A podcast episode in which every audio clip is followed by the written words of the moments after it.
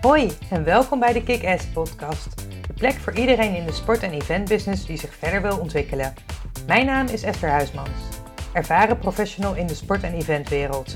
Je kent mij misschien ook van Kick-Ass, het inspiratieplatform voor vrouwen in de sport. Of van mijn online netwerktrainingen van de Kick-Ass Academy. In deze podcast deel ik mijn tips en ervaringen en maak ik je deelgenoot van de weg die ik als ondernemer aan het afleggen ben.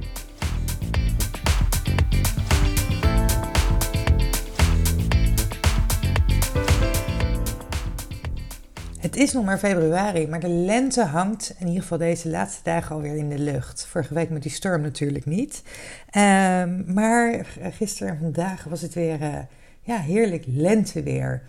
En um, ik heb um, vorig jaar uh, een huis gekocht, of eind 2020 een huis gekocht met een heerlijk terras erbij. Het is niet echt een dakterras, want het is op de verdieping van mijn uh, woonlaag. Um, het is op het terras van de, van de uitbouw van de benedenburen. Dus het is wel een soort van dakterras. lekker ruim en uh, ja, daar ben ik super blij mee.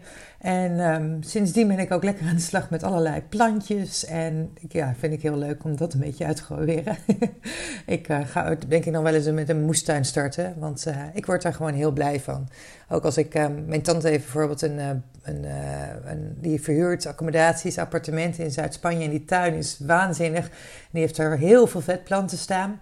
En die zijn zo ontzettend mooi. Dus elke keer als ik daar vandaan kom, dan neem ik weer een hele lading mee. Ja, daar word ik blij van. Uh, had ik zelf, ik weet niet of ik dat vroeger had gedacht. Vroeger dacht ik altijd, nou, planten gaan bij mij allemaal dood. Maar uh, op de een of andere manier gaat het goed. dus, dus dat is heel fijn.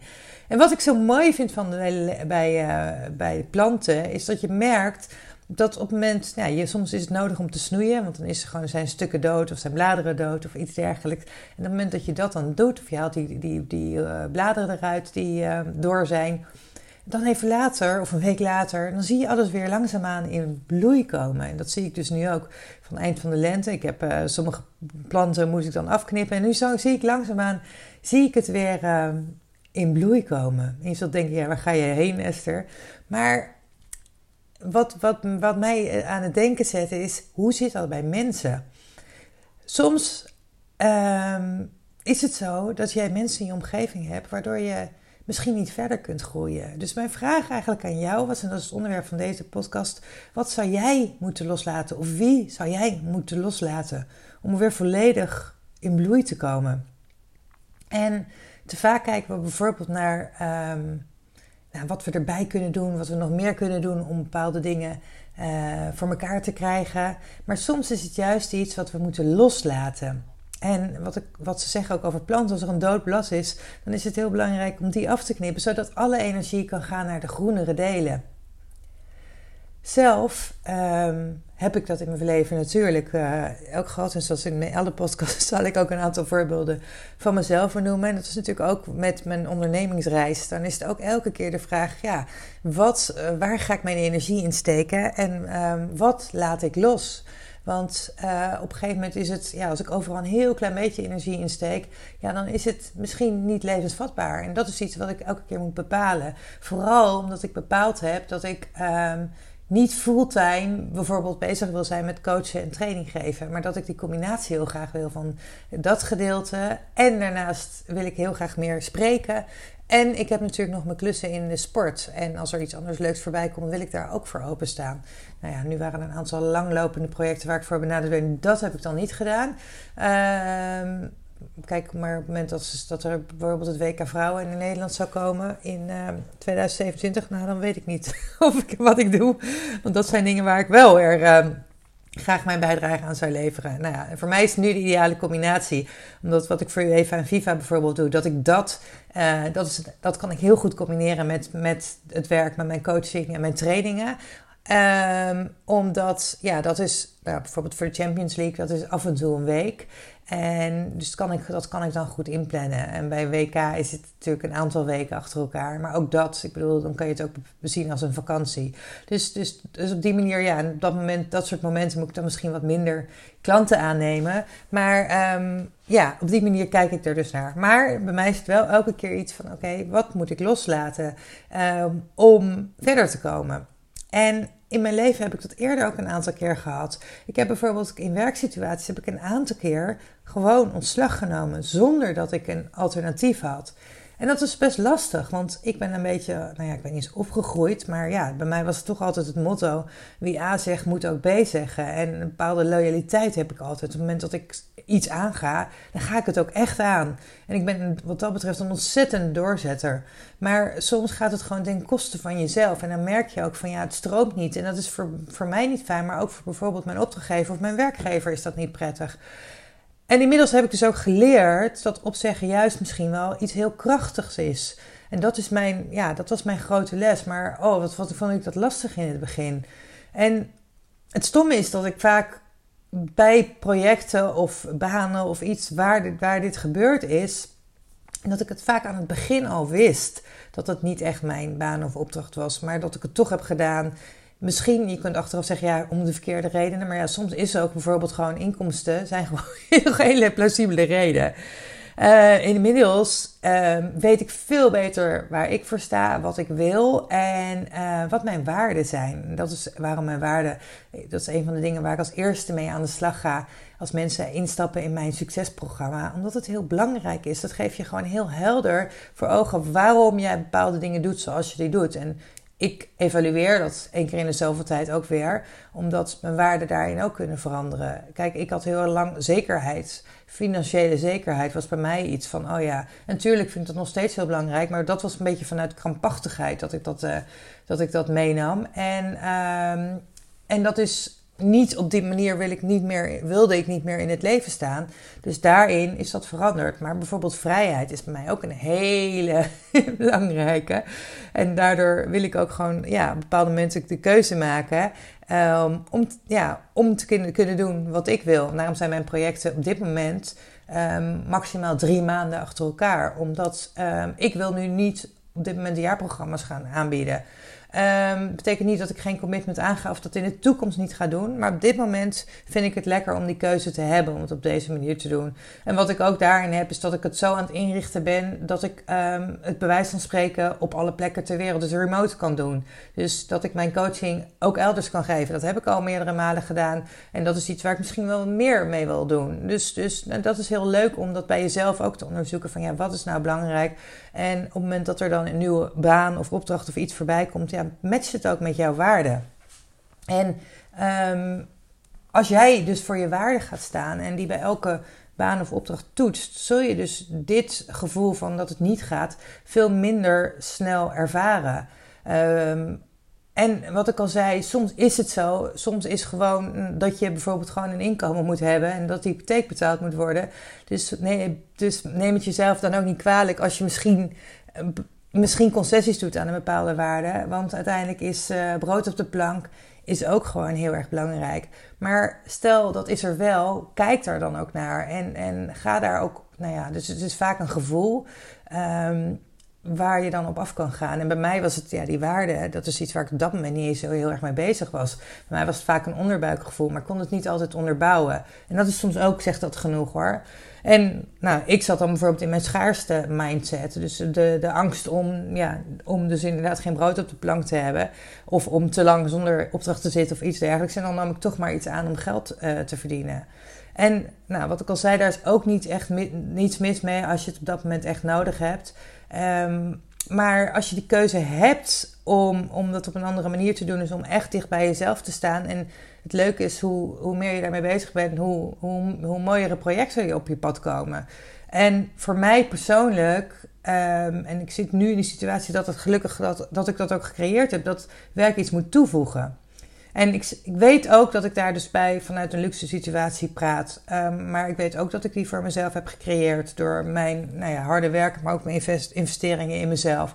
En het kan best zijn dat ik misschien op een gegeven moment door verkeerde keuzes in mijn leven of whatever, een andere situatie terechtkom. Maar nou ja, nu is het gewoon super prettig dat ik het vanuit die hoedanigheid kan doen.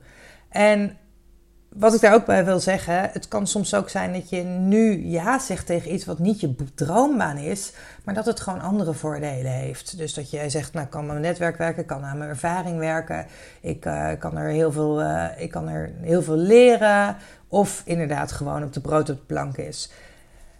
En zelf heb ik dit bijvoorbeeld gehad toen ik uh, in Sochi terugkwam. Ik heb in 2014 daar, uh, 2013, 2014 een project gedaan voor de winterspelen. En dat was echt een heel erg pittig project. En ik heb daarna echt op het punt gestaan dat ik dacht van, ja, wil ik dit nog wel? Ik ben normaal echt laaiend enthousiast. Het is een soort verslaving, al die uh, projecten en events doen. En daarna kwam ik terug en ik dacht, oké, wil ik dit nog? En toen werd ik, nog geen twee weken nadat ik terug was, werd ik um, gebeld door een oud collega van mij of ik in uh, Brazilië aan de slag wilde voor het WK, voor hen als supplier. En ik dacht alleen maar, ik ben zo moe. Ik had vijf maanden alleen maar gewerkt en echt niet normale dagen, niet de 9 tot 5, maar uh, 5 tot 9. Nou, nou ja, in ieder geval, er waren echt nachten bij. En dat een paar nachten achter elkaar ook, dat we, nog, dat we niet eens drie uur per nacht hadden geslapen. Omdat er zo ongelooflijk veel moest gebeuren. Dat het zo'n pittig project was. Dus um, ik heb dat niet zomaar. Ik kan heel veel handelen. Maar uh, op dat moment was het echt, echt, uh, nou ja, bij mij was, er, uh, was het gewoon leven leeg. En toen kwam dit voorstel. En ik zou al als supporter naar het WK gaan met een goede vriendin van mij, waar ik eigenlijk naar alle toernooien, of in ieder geval zoveel mogelijk toernooien ga.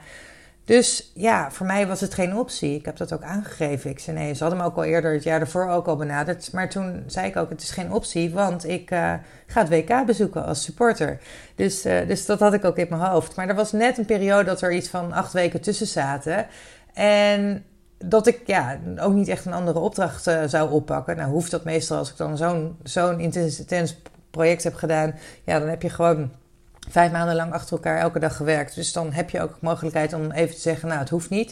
Um, maar ja, ik had eigenlijk was het natuurlijk een, iets, iets wat helemaal prima was. En toen vroeg zij mij, en ik dacht alleen maar, oh, ik ben zo moe. En het grappige was, ik sprak op een gegeven moment met mijn moeder en die zei, ja, en soms moet je misschien gewoon dingen doen, zodat je straks kunt zeggen, nou, hier kies ik wel voor en hier kies ik niet voor. En dat was een hele mooie, maar het was ook heel grappig, want ja, een WK voetbal, ja, ik wilde dat altijd al. Dat stond nog niet op mijn lijstje. Dus ik moest ook wel lachen dat, dat ik op dat moment dus zo moe was dat ik zelfs een WK voetbal, dat ik overwoog, dat ik echt heb overwogen van, moet ik het wel of niet doen? Dus dat ik nog zelf heb gedacht, oh, misschien moet ik het niet doen. Ja, dat is natuurlijk hilarisch, want het was echt mijn grote droom om zoiets te doen. Dus, maar ja, in ieder geval, het kan dus zijn dat je soms in dat soort situaties uh, komt. En uh, ja, ik ben natuurlijk gegaan en uh, ik, heb, ik had toen afgesproken dat ik tot en met de openingswedstrijd zou werken. Zodat ik de dag na de opening, ik, zou, ik moet wel de, de garantie hebben dat ik naar de eerste wedstrijd kan. Ten eerste omdat ik dat natuurlijk zelf super graag wil, maar ik heb ook wat ik super belangrijk vond. Ik had het met afgesproken met een vriendin. Ja, ik zou het ook niet leuk vinden als zij dan ineens zegt, nou ik ga werken. Dus, um, dus nou, gelukkig was er één vlucht. Een, niet een directe vlucht, maar er was één vlucht ochtends vanuit Sao Paulo uh, naar Salvador. En, um, uh, en die heb ik gehaald. En um, ja, daardoor kon ik bij de wedstrijd Nederland-Spanje zijn. Nou, we weten allemaal wat dat is geworden. Dus dat was mijn cadeautje voor, voor die pittige tijd ook weer in Brazilië. Dus ja. Maar ja, tegenwoordig kan ik veel makkelijker nee zeggen als het voor mij niet goed voelt. Nou, dit uh, ben ik hartstikke dankbaar voor dat ik deze ervaring heb opgedaan. Maar, uh, maar ja, inmiddels zit ik in een situatie dat ik gewoon dat ik kan kiezen. En dat is ook iets wat ik je wil meegeven. Want er zijn heel vaak, um, en dat, ik denk dat vrouwen daar meer last van hebben dan mannen, is dat wij ons in een afhankelijke positie neerzetten op het moment dat we gaan solliciteren of voor een opdracht gaan. Van oh ja, maar zij hebben mij alleen maar wat te bieden en ik moet mezelf verkopen. Maar andersom is het ook. Of je, ja, je moet jezelf natuurlijk altijd verkopen. Maar andersom heb jij ook ongelooflijk veel te bieden. En, um, en wees je daar ook bewust van. Iemand met jouw ervaring, met jouw uh, uh, nou ja, kennis, dat is ook gewoon heel waardevol. En ja, ga ook op die manier die projecten in. En nou, inmiddels, ik zeg, ik weet, ik heb inmiddels 20 jaar ervaring in de sport. Dus ik weet ook de ervaring die ik heb. Al voelt het bij mij af en toe ook Misschien van, nou ja, zo bijzonder is het dan niet. Maar ik weet dat je me eigenlijk overal kan neerzetten in elk event. En ik vind mijn weg er wel. En ook heel snel. Dus ja, door al die ervaring heb ik ook dat vertrouwen erin. En doordat ik ook, waardoor ook alle persoonlijke ontwikkeling die ik daarin heb gedaan. En mijn vraag aan jou is: stel je hebt zo'n situatie. Misschien is het voor jou helemaal niet van toepassing. Maar stel er is een situatie waarin iets voor jou niet goed voelt. Waarom blijf je daar dan in hangen? Waarom blijf je hangen in iets dat niet goed is voor jou? Een frustrerende werksituatie bijvoorbeeld.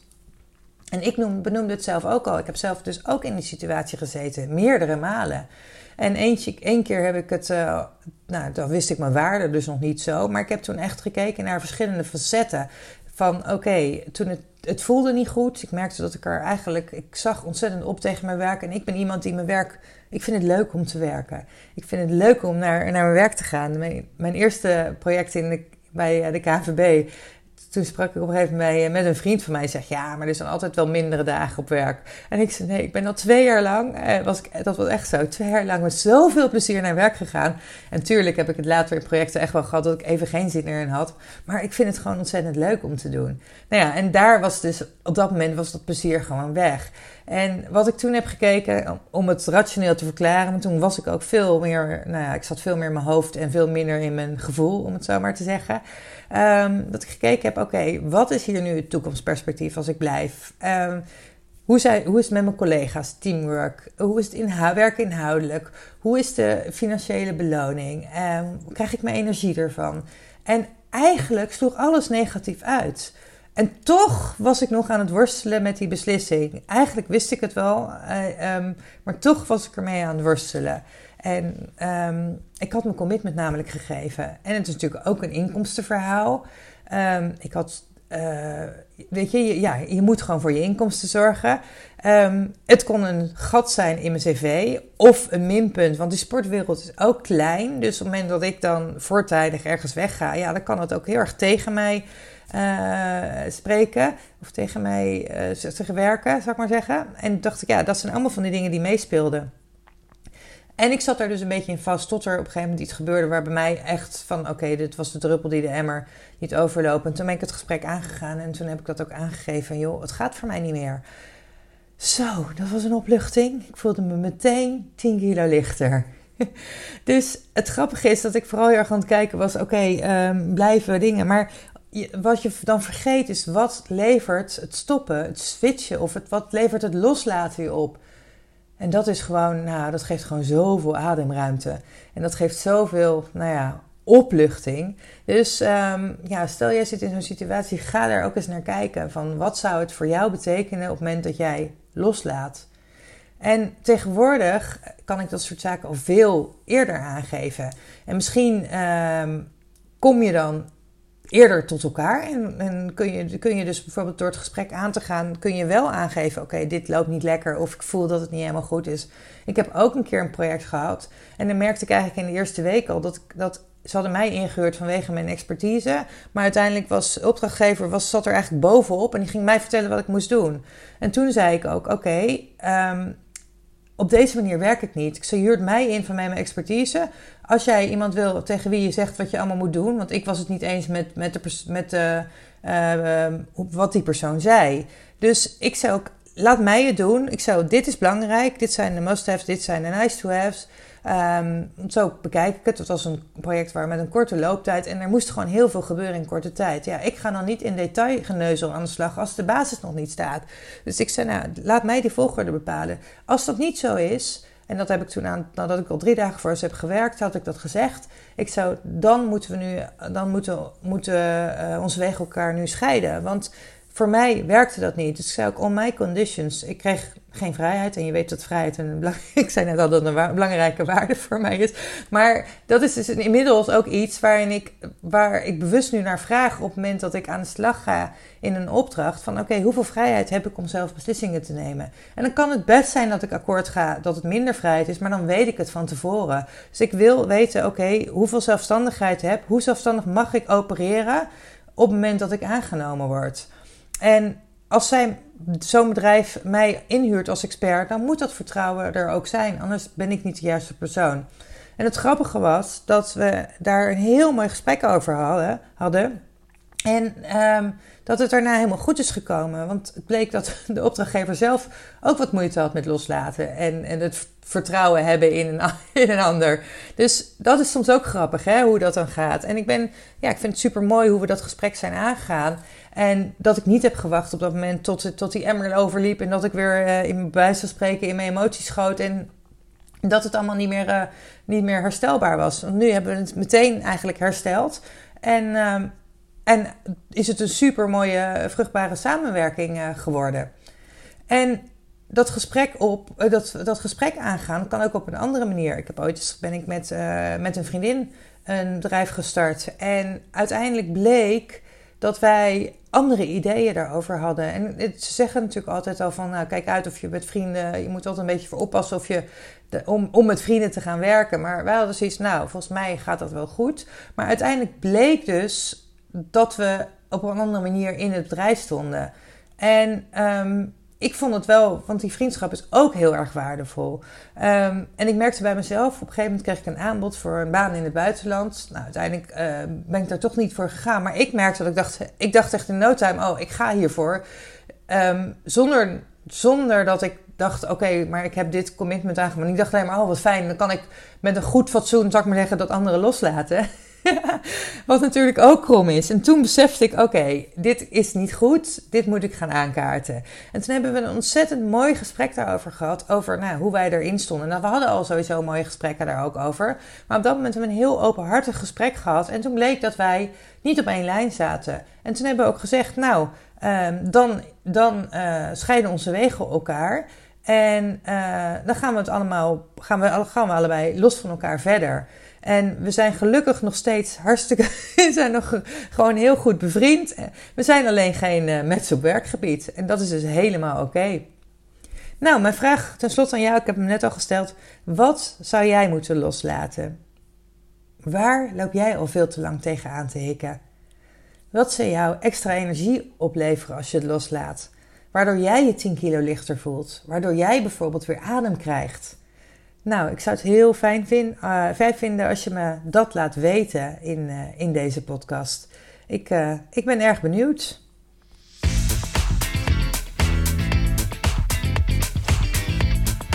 Dit was de aflevering van vandaag. Heel erg bedankt voor het luisteren. Vond je deze aflevering waardevol? Dan zou het heel fijn zijn als je een review wilt achterlaten op iTunes of op Spotify. Tot de volgende keer!